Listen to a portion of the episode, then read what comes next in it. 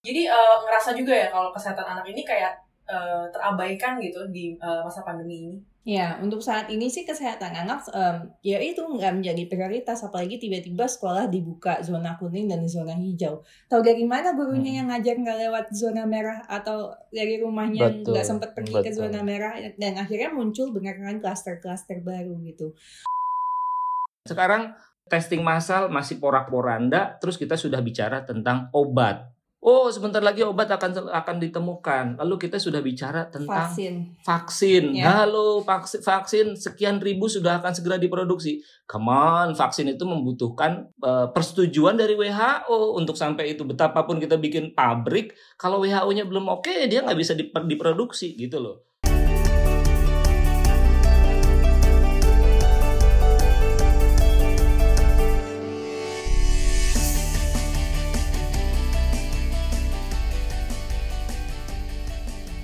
Mas Azul, katanya Tempo ngeluarin edisi khusus lagi ya? Mm -mm, kan 17-an. Jadi oh. tradisi kita tuh tiap 17 Agustus bikin edisi khusus. Hmm, jadi sekarang ini uh, tentang jejak dokter legendaris nih. Boleh cerita sebentar nggak mas tentang edisi khusus ini? Uh, jadi karena kita anggap di 2020 ini uh, menjadi tahun yang khusus, spesial, karena kita menghadapi uh, apa pandemi global yang namanya uh, eh, COVID-19. Nah, kita coba cari-cari uh, uh, apa sih yang bisa kita pelajari dari masa lalu dari sejarah terhadap COVID-19 ini yaitu kita ketemu yaitu peran dokter. Nah, terus kita lewat berbagai riset, wawancara sana sini kita uh, menemukan ada tujuh dokter dalam sejarah Indonesia yang punya peran besar sekali dalam uh, pengembangan kesehatan masyarakat gitu loh kira-kira Risa. Hmm. Nah, untuk ngobrolin edisi spesial kemerdekaan kali ini, ini kita seneng banget nih di sini udah ada dokter yang ikut gabung nih di episode kita sekarang, Mas. Ada wow. dokter uh, Mesti Aryo Tejo. Halo Mesti, halo. Halo Mbak Lisa, halo Mas Azul. Kangen banget nih ngeliat Mesti main harpa sebenarnya Mas Azul. ya Harusnya ada suara harpa tadi ya, gitu-gitu ya. Maaf, udah lama banget nggak main tuh. uh, jadi uh, Dokter Dwi Lestari Pramesti Aryo Tejo ini dokter spesialis anak, yeah. uh, pinter main musik juga ya semua tahu ya. Enggak lah, hobi musik. aja. Hmm. Jangan lupa baca baca puisi loh. Waduh. Oh, iya. Waduh. Dulu pernah diundang di acaranya Tempo dia baca puisi. Baca puisi gila gila. Uh. Nah, Mesti juga pernah masuk di 30 under 30-nya Asia Forbes ya waktu tahun 2016 iya. karena uh, mendirikan wecare.id. Nah, ini boleh cerita sebentar nggak Mesti tentang uh, wecare.id ini crowdfunding ya? Iya. Jadi WeCare.id ini adalah suatu uh, platform khusus crowdfunding di bidang kesehatan. Memang kan karena hmm. itu bidang saya dan saya mau memastikan apa yang saya lakukan itu benar-benar um, sampai kepada masyarakat amanah gitu. Jadi uh, waktu itu awalnya ketika saya bekerja di Flores waktu itu di rumah sakit Ruteng, di sana tuh semua orang hampir 100% punya jaminan kesehatan masyarakat. Waktu itu namanya jam kesmas. Hmm belum kayak hmm. sekarang JKN atau BPJS. Tapi masalahnya fasilitasnya minim sekali. Sehingga pada akhirnya pasien itu nggak dapat terapi yang optimal dan harus dirujuk ke kota besar. Pertanyaannya mereka ada biaya nggak untuk naik pesawat, untuk akomodasi di sana nggak ada. Hmm. Gitu. Jadi akhirnya banyak sekali pasien-pasien yang seharusnya bisa ditata laksana, bisa sembuh, bisa kembali sehat, tetapi akhirnya mereka ah ya sudahlah dok kami serahkan saja kepada Tuhan dan akhirnya mereka meninggal hmm. jadi hmm. itu adalah saya rasa masalah yang sungguh disayangkan gitu karena memang ketidakmerataan uh, infrastruktur fasilitas gitu. Seandainya mereka uh, punya fasilitas yang sama padahal kan itu hak asasi manusia terhadap kesehatan. Seandainya mereka mempunyai fasilitas yang sama mereka bisa sehat kembali gitu. Jadi dari situ saya berpikir bagaimana ya saya bisa menjembatani sebenarnya kan jam kesmas BPJS itu kan suatu program yang bagus dengan preminya hmm. yang sangat murah tapi aduh kalau kita kerja di rumah sakit kita lihat bill-billnya itu satu pasien bisa ratusan juta gitu dan itu dibiayai semua oleh BPJS itu berterima kasih banget lah gitu sama BPJS tapi kan bagaimana orang-orang yang di pelosok bisa merasakan juga apa yang di orang-orang kota rasakan dari situlah munculnya We Care untuk memfasilitasi hmm. orang-orang yang di perifer bisa sampai ke fasilitas kesehatan yang dirujukan. Uh, hmm.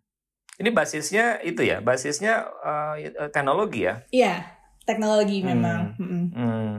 Oke, jadi di episode kali ini kita akan bahas editorial Tempo di majalah Tempo ya. Ini judulnya uh, ngobrolin soal dokter-dokter legendaris nih. Ini di uh, tayangnya tanggal 20 Agustus ini. Okay. Uh, jadi di edisi kali ini tuh Tempo nulis tentang tujuh dokter uh, yang memang udah legendaris di Indonesia. Lengkap lengkapnya bisa dibaca aja di majalah.tempo.co. Uh, ini tuh ada yang mendirikan PMI, ada yang menggagas pendidikan soal pendidikan psikologis, ada dokter perempuan pertama gitu ya. Kita akan bahas ini. Uh, tapi yang menarik juga sebenarnya di editorial ini menyebut kalau kita ini seolah makin krisis dengan sosok dokter-dokter yang kayak gini gitu. Masa sih?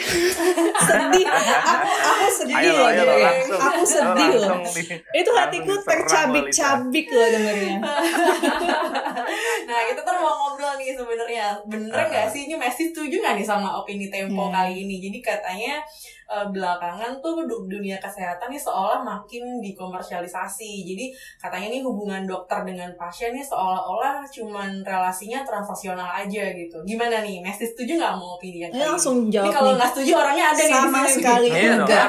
Sama. Gak bener, Jujur ya, kalau dari mungkin hmm. ada segelintir tapi itu pun saya juga nggak pernah ketemu. Tapi dari semua yang saya saksikan dokter-dokter yang uh, saya bekerja sama atau konsultan-konsultan pembimbing saya sama sekali hmm. tidak seperti itu gitu. Hmm. Bahkan ke, uh, mereka lebih banyak yang mengeluarkan uangnya sendiri untuk para pasiennya. Hmm. hmm. Oke, okay. uh, eh, Mesti boleh cerita dulu nggak sih dulu awalnya uh, kenapa jadi studi dokter nih? Karena dulu setahu kita nih ya riset katanya dulu pengennya masuk IT. iya. Terus jadinya ngambil studi dokter. Iya iya. Jadi emang dari kecil tuh saya adalah orang yang banyak maunya gitu BM jadi memang um, saya suka waktu SD saya pengen banget jadi guru karena hmm. uh, saya suka ngajarin teman saya dan ketika saya bisa hmm. mengajar teman saya dari nggak bisa jadi bisa itu ada suatu kesenangan tersendiri. Nah waktu SMP emang saya tuh suka uh, dari SD saya udah bikin website di Geocities zaman dulu. Um, oh, okay. Terus oh, ya ampun my, MI, ya, ya, ya, MIRC terus bikin blog segala macam. Jadi saya suka banget coding coding HTML pada zamannya atau bikin game dulu. Nah ter, um, terus um, ya pingin IT gitu. Tapi balik lagi uh, keluarga saya adalah ayah saya itu sangat otoriter. Jadi um, oh. apa yang beliau mau oke okay, end of discussion no discussion harus itu gitu. Nah kebetulan ayah saya mengharuskan saya kuliah di Jakarta. Saya nggak boleh keluar kota. Mungkin karena anak perempuan sendiri terus mereka beliau juga mau menjamin protek saya segala macam akhirnya pas SMA saya pikir kalau IT jujur saya pilihnya ke ITB dong gitu. Akhirnya uh, saya pikir apa ya yang di Jakarta gitu um, yang saya juga suka. Tapi waktu itu jujur ya masih SMA terus mikirnya apa sih yang passing grade ya paling tinggi? Wow. lagi lagi lagi kalau orang nyari yang mampu nih dia mampu apa enggak? jadi uh, waktu itu mungkin lebih memikirkan image lah lebih memikirkan pride-nya gitu kayak apa sih yang aku pokoknya masuk yang passing grade-nya paling tinggi apa waktu itu FKUI gitu. paling gitu. terus susah, aku pikir iya. jadi nggak ada murni mau jadi dokter tuh nggak ada karena nilai biologiku di sekolah itu selalu paling jelek di antara nilai yang lain aku bisa oh. jagonya kimia gitu aku olimpiadanya kimia um, biologi selalu paling jelek kenapa karena biologi tuh menghafal membaca sedangkan aku tuh paling suka sesuatu yang logika yang um, jelas gitu yang konkret nah akhirnya ya udah aku cuma daftar FKUI ya pak. Kalau aku nggak keterima FKUI aku boleh ya kuliah ke luar negeri ke mana pun yang aku mau aku bilang gitu. Oke okay, ya udah deal FKUI aja gitu. Ya udah aku udah mikir-mikir oh kalau nggak keterima aku mau ke Amerika ah mau ngambil psikologi atau apa gitu gitu. Ya tahunya keterima ya alhamdulillah juga keterima gitu. Tapi it was a very tough time for me gitu karena aku bener-bener nggak suka biologi aku nggak suka baca textbook kedokteran yang tebal-tebal banget gitu. Terus di umur-umur masih mudaku itu tiba-tiba aku ketemu Om Bian desainer. Um, aku jadi fashion show aku jadi model iklan which wah enak ya gitu. Menyenangkan gitu. Kemudian um, aku main harpa juga sering konser. Jadi aku tuh dulu sering bolos waktu aku S1 waktu itu aku hmm. berpikir itu bolos aja lulus loh keren lah kan? Eh iya lulus. Alhamdulillah lulus selalu lulus. Tapi aku juga pernah remedial. Aku pernah ngulang oh, gitu. ujian ngulang ujian pernah. Dan pada saat itu aku bilang pokoknya aku cuma jadi dokter umum. Aku nggak mau jadi eh, nggak uh, mau lanjut sekolah dokter. Karena waktu aku jadi koas kan itu di RSCM ya tugas koas tuh apa sih? Dek dek dek tolong dong lihat pipisnya udah berapa pasiennya gitu. Dek dek dek. Coba di uh, tolong itu uh, pantau ya nadinya sama napasnya gitu. Jadi cuman kerjaannya tuh koas tuh seperti itu. Nah sampai akhirnya um, aku kan harus kerja internship waktu itu. Internshipnya boleh di rumah sakit daerah mana aja. Cuman aku pikir ah udahlah sekalian aku internship ya udah jauh aja sekalian gitu. Daripada setengah-setengah. Akhirnya aku pergilah ke NTT um, oh, karena di Ruteng itu? Iya hmm. karena NTT hmm. itu angka kematian ibu dan bayinya paling tinggi waktu itu. Dan memang aku berpikir aku pingin ngerasain. Jadi aku tahu um, sebenarnya masalah uh, kesehatan di uh, sebagian besar wilayah Indonesia itu seperti apa. Karena kan Jakarta nggak representatif untuk itu. Nah akhirnya aku di sana ternyata bayangin aja itu satu-satunya rumah sakit di tiga kabupaten. Jadi di membawahi hmm. 800 ribu penduduk. Dan waktu aku ke sana dokter umum satu rumah sakit itu cuma ada dua. Jadi misalnya aku malam jaga itu aku jaga semua ruangan. IGD ruang uh, melahirkan ruang bedah ICU itu aku pegang hmm. semua. Jadi uh, ya kalau malam aku bertugas jadi dokter objin jadi dokter bedah jadi dokter anak. Dan itu menuntut aku untuk punya tanggung jawab. Dan di situ barulah kerasa challenge-nya menjadi dokter dan uh, hmm. betapa uh, menyenangkannya ketika kita bisa membantu pasien dari sakit menjadi sembuh. Kemudian pasien kita mendoakan kita kemudian ya mereka bisa sehat kembali itu suatu kebahagiaan yang nggak terbayar gitu. Dari situ baru aku rasa oh aku suka ya jadi dokter gitu. Hmm. Hmm, harus keruteng dulu tuh Lisa. Kenapa mas harus ke Ruteng dulu dia tuh iya, untuk dapetin pengalaman itu. Tapi iya. Kan? jauh. Ini dari sekian dokter yang diangkat laporan Tempo ada nggak sih yang salah satunya mungkin yang diidolakan atau mungkin yang paling menginspirasi gitu? Jujur aku nggak kenal semuanya secara uh, pribadi ya. Kalau namanya hmm. semua pernah dengar gitu. Tapi hmm. tadi mungkin Mas Azul juga bilang um, Prof Suyanti Saroso yang secara singkat aku baca profilnya, wah ini benar kayak hmm. jejak yang aku pingin nih gitu. Kayak beliau exactly, betul. ngambil public health juga. Aku tuh juga lagi mau ambil public health terus beliau juga um, concern dia pernah menjadi ketua satgas ibu dan anak juga which itu apa yang aku concern saat ini karena aku percaya dengan anak-anak yang berkualitas pasti generasi mendatang akan lebih berkualitas nah terus bagaimana beliau juga menghadapi saat uh, pandemi cacar dulu gitu itu hmm. amazing hmm. sih yeah. Nah itu menarik tuh kalau kita ngomongin uh, pandemi saat ini gitu ya. Uh, mm-hmm. Gimana nih uh, sistem kesehatan nasional kita uh, saat dihubungkan dengan pandemi ini menurut Nesti bagaimana? Speechless. masih masih uh, sebenarnya masih banyak sekali yang perlu dibenahi ya. Maksudnya nggak harus di pandemi aja. Dari sebelum pandemi itu banyak sekali yang harus dibenahi. Bagaimana um, tenaga kerja medis itu bekerja aja itu banyak yang perlu dibenahi. Mungkin tahu kalau residen atau dokter yang sedang spesialis which itu adalah garda terdepan di rumah sakit besar kita tuh nggak digaji sama sekali. Bahkan kita yang keluar duit untuk bayar sekolah. Dan uh, sedangkan di negara lain kalau di compare di Amerika mereka sebulan mungkin dapat 4.000 sampai 6.000 dolar sebulan gitu Ya. Karena kami juga ya walaupun mereka bilangnya kita belajar tapi kami bekerja loh di, di garda terdepan itu dokternya ya kami gitu. Dan tetapi karena ini juga bukan di bawah uh, Kementerian Ketenagakerjaan, kami juga sebelumnya tidak mendapat perlindungan apa-apa tentang jumlah jam kerja atau jika hmm. ada kecelakaan itu tuh dulu uh, belum ada uh, perlindungannya. Um, kemudian ya tadi fasilitas-fasilitas di perifer sama sekali nggak ada. Dulu ya jadi aku kerja obat itu cuma ada kalau yang di puskesmas itu cuma ada paracetamol kemudian uh, obat hipertensi satu kaptopril kemudian steroid. Intinya ujungnya pasien harus dirujuk. Nah terus aku hmm. abis dari ruteng itu pernah di interview kayak uh, kamu mau nggak abis jadi dokter spesialis kamu kembali lagi ke perifer ya selama hmm. fasilitasnya belum memadai dan uh, saya merasa kinerja saya tidak bisa dioptimalisasikan di sana untuk apa gitu? Uh, nggak mau kalau uh, strukturnya belum bagus gitu. Uh, karena uh, saya yakin kompetensi saya akan jauh lebih bermanfaat ketika memang itu memadai dan mungkin untuk saat ini bisa dokter-dokter umum atau misalnya yang bidan desa atau kader desa yang diedukasi bagaimana mereka harus uh, menangani kegawatan dan merujuk pasien yang butuh ke kota misalnya seperti itu. Jadi memang hmm. sistem tuh banyak sekali yang perlu dibenahi dan sekarang yang justru yang bikin bingung adalah um, ketika kita angkanya lagi naik-naiknya, kemudian rate kematian anak itu paling tinggi se Asia Pasifik. Bayangkan rate kematian anak di Indonesia itu satu persen lebih. Sedangkan ini sebelum di, COVID ya? Se enggak saat COVID ini. Oh saat COVID, uh, oke. Okay. Saat COVID, rate angka kematian anak tuh satu persen lebih. 1%. Sedangkan di negara lain, di Amerika yang angka tinggi atau Prancis atau mana pun itu cuma kurang dari 0,1 persen.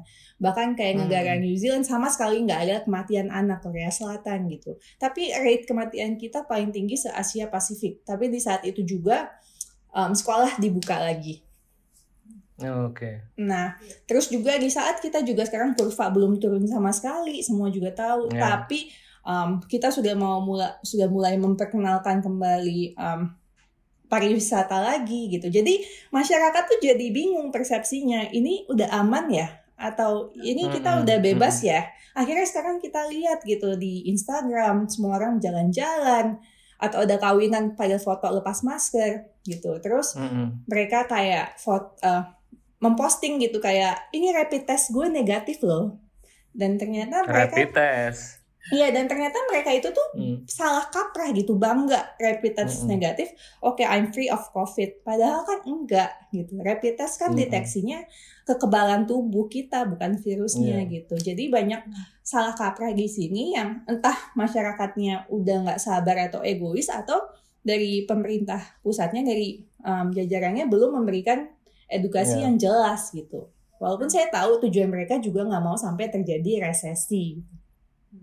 Yeah, Oke, okay, yeah. aku mau oper ke Mas Azul dulu nih, Mas. Uh, hmm. Gimana nih, Mas? Uh, temuan uh, apa? Kenapa? Uh, mungkin diceritain dulu kali ya, uh, bagaimana proses penyusunan edisi khusus kali ini gitu?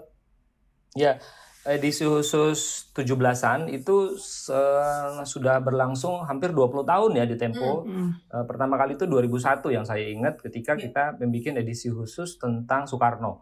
Jadi 2001 itu adalah 100 tahun Bung Karno. Nah, kita tulis. Setelah itu uh, dari sisi pembacanya juga seneng gitu.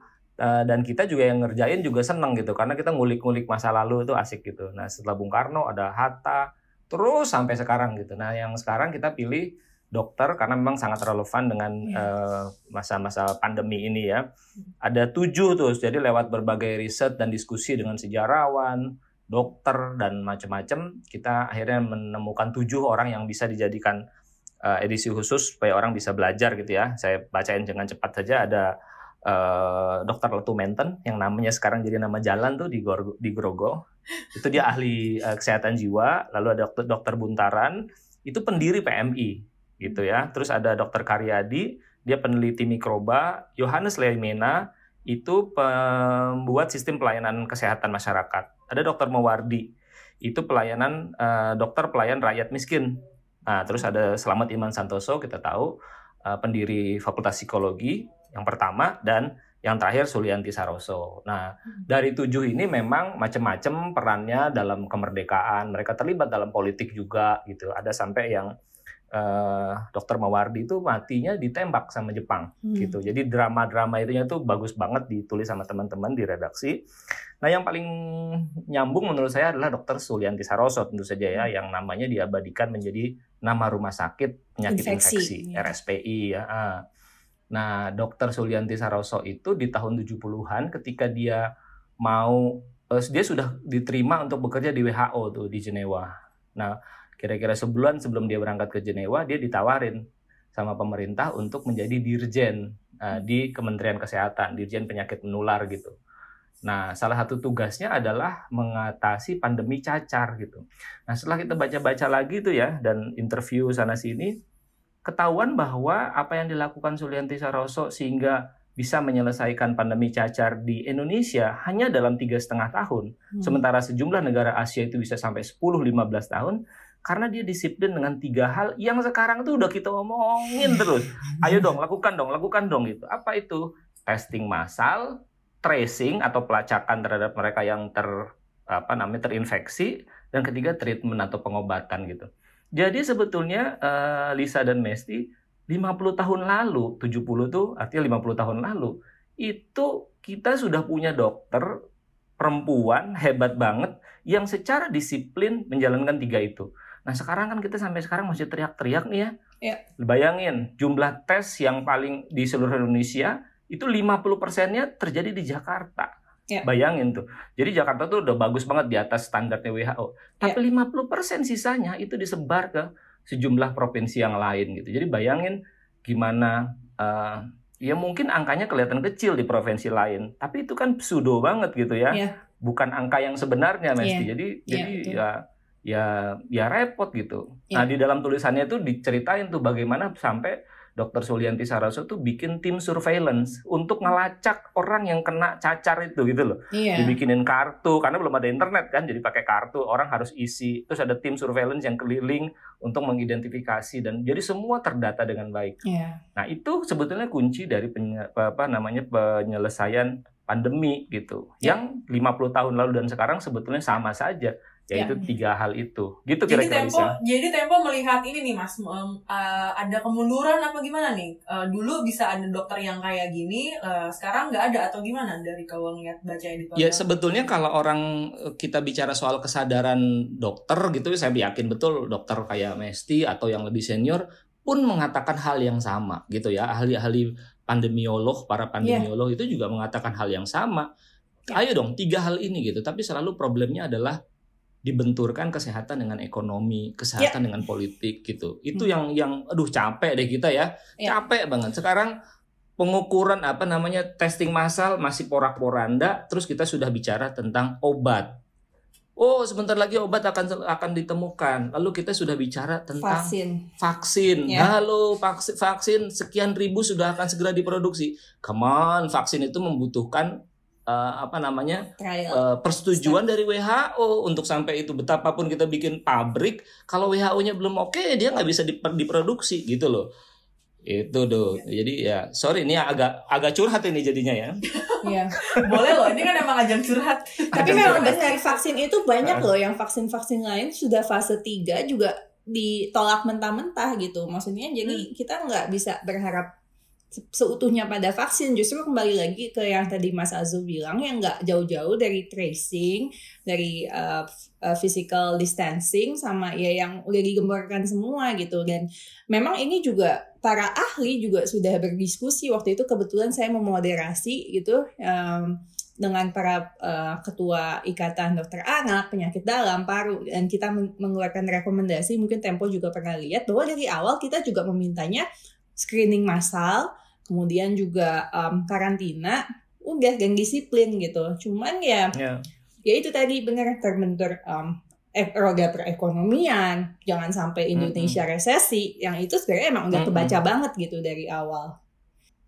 Jadi itu kalau menurut gue ya, ya kalau menurut gue tuh kita tuh menentukan titik awalnya aja kita bingung gitu loh kan nggak mungkin tuh ekonomi bisa kembali lagi kalau kita nggak perbaiki kesehatannya. Itu udah pasti.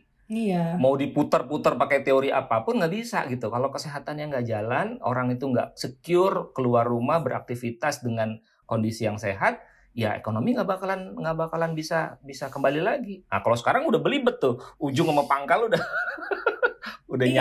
nyampur lah begitu. Iya, waktu itu kan ada yang dari Afrika Selatan pemimpinnya bilang kalau nyawa nggak mungkin bisa dikembalikan kan, tetapi kalau ekonomi kan exactly. kan bisa dikembalikan lagi gitu.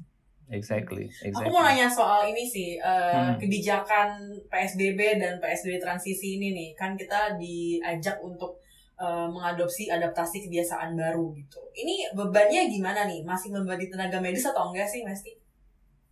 Justru sekarang ini saya juga nggak paham deh karena kan juga dari um, pemerintah atau Kementerian Pariwisata terutama sih. Jadi sudah banyak influencer-influencer public figure yang berlibur ke Bali, kemudian memberi, memperlihatkan keamanannya yeah. segala macam. Jadi itu kan jadi false hope buat masyarakat gitu. Saya nggak tahu hmm. bahwa misalnya mereka entah semuanya di PCR atau banyak-banyak orang yang um, mereka punya budget yang tinggi, kemudian mereka liburan ke pulau, apakah semua kena kapalnya di PCR atau bagaimana gitu. Tapi kan itu enggak berlaku untuk semua masyarakat tapi itu memberi gambaran yang salah gitu. Jadi masyarakat persepsinya wah udah pada jalan-jalan nih ya udah aman gitu. Sedangkan angka yang sebenarnya kan naik terus gitu. Jadi ya mestinya tuh ada ketegasan sih dari awal yang di sini kita nggak lihat karena memang terlihat sekali pemerintah mau menyelamatkan um, ekonomi juga gitu. Ya mungkin saya juga orang pure kesehatan ya jadi kadang mungkin nggak um, bisa uh, lebih bijak juga untuk melihat segi ekonomi tapi menurut saya nyawa satu individu itu bermakna sekali. Kalau dibilang yang meninggal hanya seribu dua ribu coba kalau yang satu itu keluarga kita sendiri gimana gitu? Iya betul ya. betul. Betul betul betul. Nah ini kalau kita ngomong soal Messi kan uh, anak ya apa perhatiannya fokusnya yeah. tuh ke anak gitu. Sementara di awal-awal pandemi itu uh, langkah pencegahannya itu fokusnya pada usia lanjut gitu dan tadi Messi juga bilang kalau angka kematian anak kita ini tinggi nih di Asia Pasifik gitu. Yeah. Jadi uh, ngerasa juga ya kalau kesehatan anak ini kayak uh, terabaikan gitu di uh, masa pandemi ini. Ya, untuk saat ini sih kesehatan anak um, ya itu nggak menjadi prioritas, apalagi tiba-tiba sekolah dibuka zona kuning dan zona hijau. Tahu dari mana gurunya hmm. yang ngajar nggak lewat zona merah atau dari rumahnya nggak sempat pergi betul. ke zona merah dan akhirnya muncul beneran klaster-klaster baru gitu. Sebenarnya sih menurut saya kalau secara sederhananya, jika semua orang bisa bersabar menekan egonya masing-masing dan bisa disiplin, pandemi ini akan lebih singkat hanya dengan tadi yang simpel-simpel tadi physical distancing distancing, um, pakai masker dan di rumah aja kalau memang tidak perlu pergi untuk bekerja. Iya, iya. Nah, aku mau nanya ini nih, soal tadi katanya Mesti uh, kurang setuju nih terhadap opini Tempo yang katanya uh, komersialisasi uh, misalnya ini apa dunia kesehatan di Indonesia. Ya, kita bahas dulu ini aja kali ya. ya emang, uh, uh, emang apakah kita nggak jadi semakin komersil sekarang-sekarang ini atau gimana nih Mesti? Uh, pertanyaan aku adalah definisi komersilnya tuh gimana ya? Hmm. Mas Azul, gimana Mas? Gini, jadi kalau di editorial Tempo itu hmm. kita sebetulnya uh, pesannya adalah kita prihatin. Ya. Karena apa? Karena kita diterpa oleh pandemi pada saat sistem kesehatan masyarakat kita itu belum baik. Ya. Gitu ya. Tentu ya. ada dokter, tentu pasti ada dokter-dokter yang punya dedikasi yang tinggi. Hmm. Ya betul gitu. Tapi ya. barusan Messi cerita bahwa para dokter itu juga kurang diperhatikan juga yeah. gitu dalam sistem ya bukan bukan satu bukan orang per orang tapi secara sistemik yeah. dia tuh kurang mendapat perhatian jadi dokter bagaimana bisa maksimal kecuali memang memang niat dari hatinya tapi secara sistem dia tidak tidak dilindungi tadi kan ada yeah. uh, perlindungan terhadap uh, tenaga dokter dan sebagainya belum lagi ada soal BPJS yang sampai sekarang BPJS-nya masih merugi iya gitu jadi belum ada sebuah sistem yang membuat itu uh, uh, tegas untuk membuat uh, BPJS ini apa sih kan kalau nanti tapi ini chapter sendiri ya gitu. BPJS ini mau mau jadi asuransi murni atau kayak apa. Nah, itu juga problem gitu.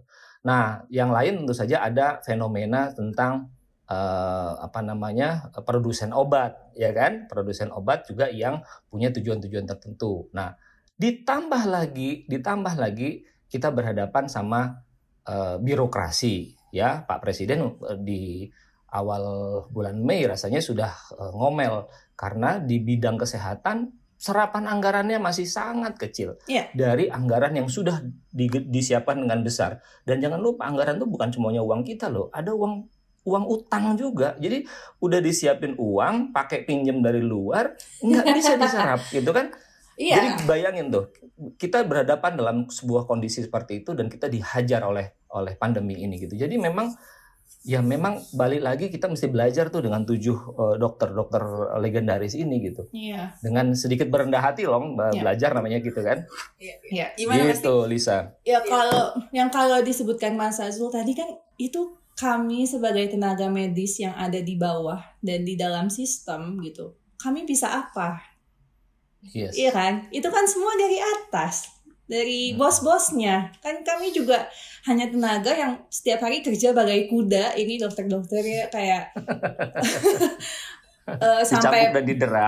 sampai angka kema rate kematian tenaga kesehatan kan kita paling tinggi di dunia tinggi sekali gitu. betul paling tinggi betul. di dunia dan ya jujur memang dibutuhkan apa ya ya sebenarnya juga sudah banyak yang bersuara. Kayak saya lihat dokter Erlina Burhan bersuara kemudian dokter Aman Pulungan itu bos saya ketua IDAI beliau sudah sangat berkoar-koar. Tapi ujungnya kan mental lagi di atas gitu. Jadi ya kami bisa apa gitu.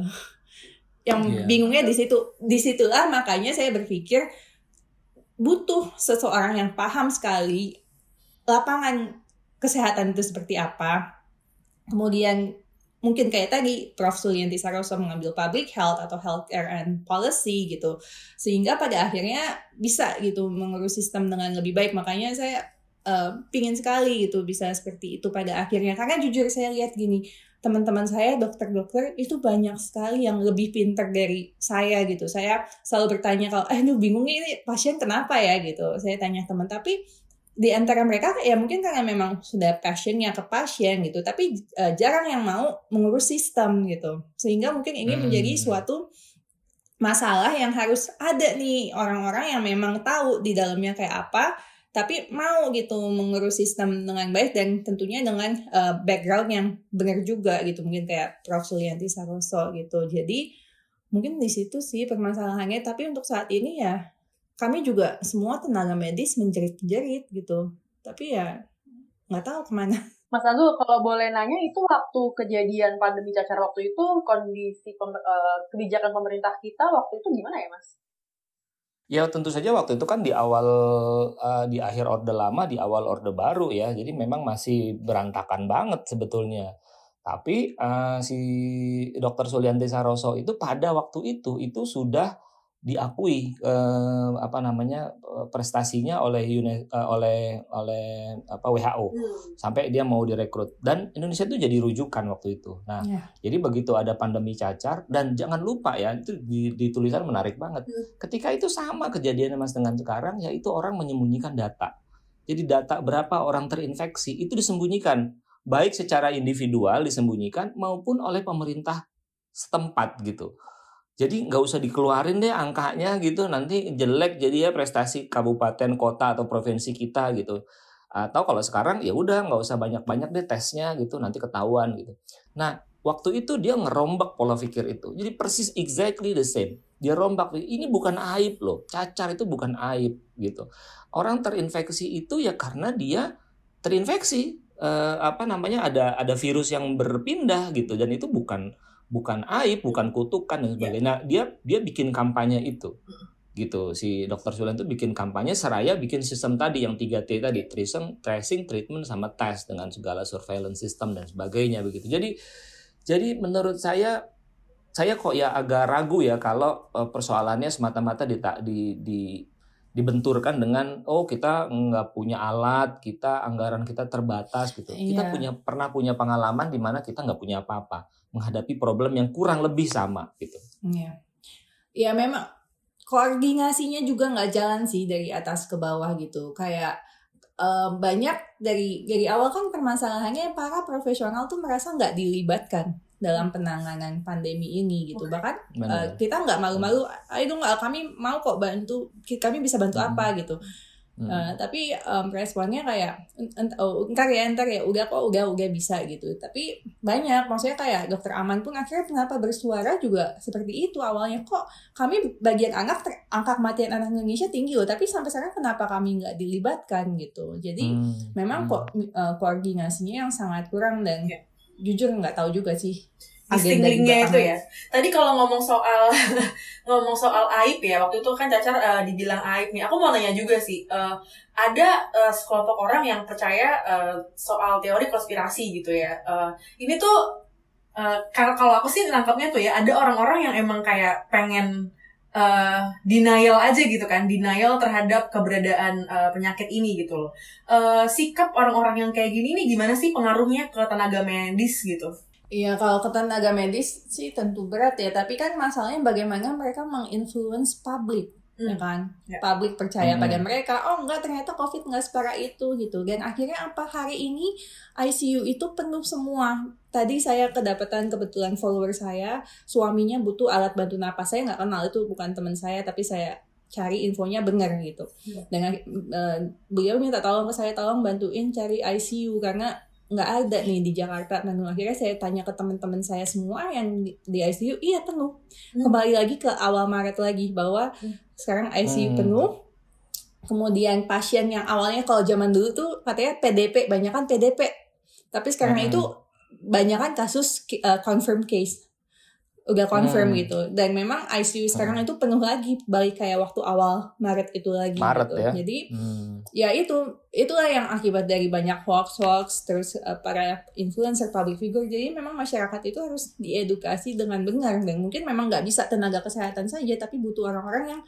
punya power dan menginfluence banyak orang bahwa mereka juga sadar gitu loh bahwa segala tindakan mereka itu uh, sangat menggerakkan atau uh, diikuti banyak orang gitu. Iya, iya, iya benar. Nah, ada satu istilah kan yang sekarang sudah jadi umum ya, ya. covidiot itu ya. covidiot. covidiot ya. Ya. Uh, ya itu menjangkiti ke mana-mana lah dari mulai ada yang nyebut obat ya, tapi ya juga bukan sekedar para influencer, uh, saya hmm. harus bilang bahwa di kalangan pemerintah sendiri kan juga ada yang mempromosikan kalung yeah. anti covid gitu-gitu yeah. kan. Iya. Yeah. Terus gitu. bahkan Jadi, dibilang juga nanti kita nggak ada gelombang kedua, ya gelombang satu juga belum selesai gitu kan. Iya. kalau udah ngomongin gelombang capek banget ya. Sumber informasinya dari mana kan juga bingung kok bisa gitu iya, bicara seperti bener. itu gitu. Bener. Ya mungkin maunya sih mau mau me, apa namanya mem, menyampaikan pesan optimis ya. Tapi iya. pesan optimis pun dasarnya kan harus science gitu loh. Iya. Jadi nggak bisa dipungut dari langit gitu loh. Iya. Harus ada harus ada argumentasinya gitu. Hmm. Ini saya lagi khawatir betul nih soal soal obat itu ya yang yeah. sekarang lagi yeah, digembar-gemburkan. Ya.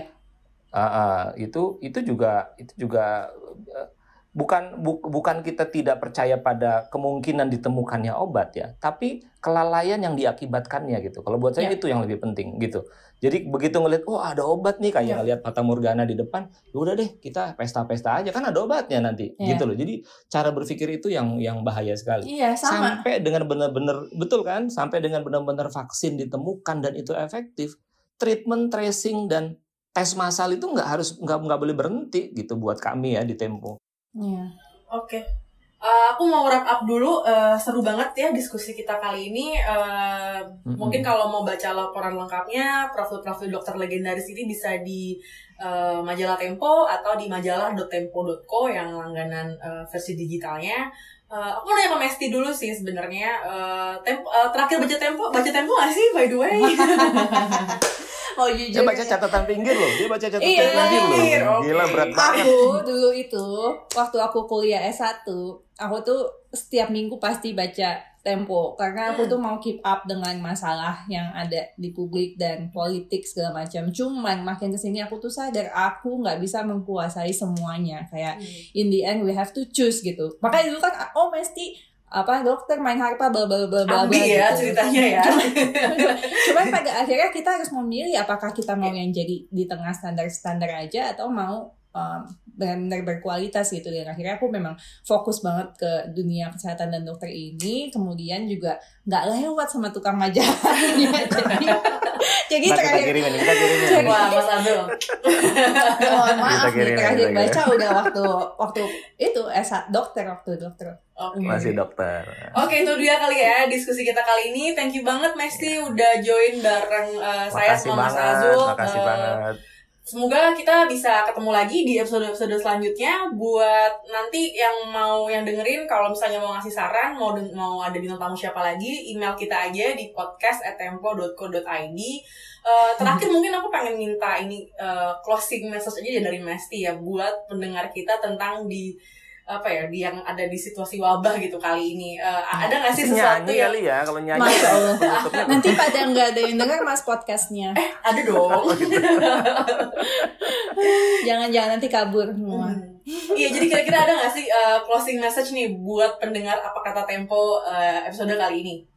Ya uh, mungkin saya tahu semua sudah jenuh sudah resah gelisah um, pendapatan nggak jelas, sudah bosan, khawatir anaknya perkembangannya nggak optimal karena di rumah terus. Tapi percayalah bersabarlah dengan kita disiplin, dengan kita hanya di rumah saja kecuali memang harus bekerja di luar, dengan kita menjaga jarak lebih dari 2 meter, dan selalu rutin cuci tangan. Dengan kita semua kerjasama dan disiplin, pandemi ini akan lebih cepat selesainya dan kita bisa beraktivitas seperti semula lagi. Jadi tolong bersabarlah dan tidak hanya memikirkan diri kita, tapi bagaimana orang di sekeliling kita bisa terimbas dari kegagahan kita. Oke, itu dia tadi ya. Thank you banget Mesti, thank you Mas Azul. Makasih, Mas Azul, Mbak Lisa.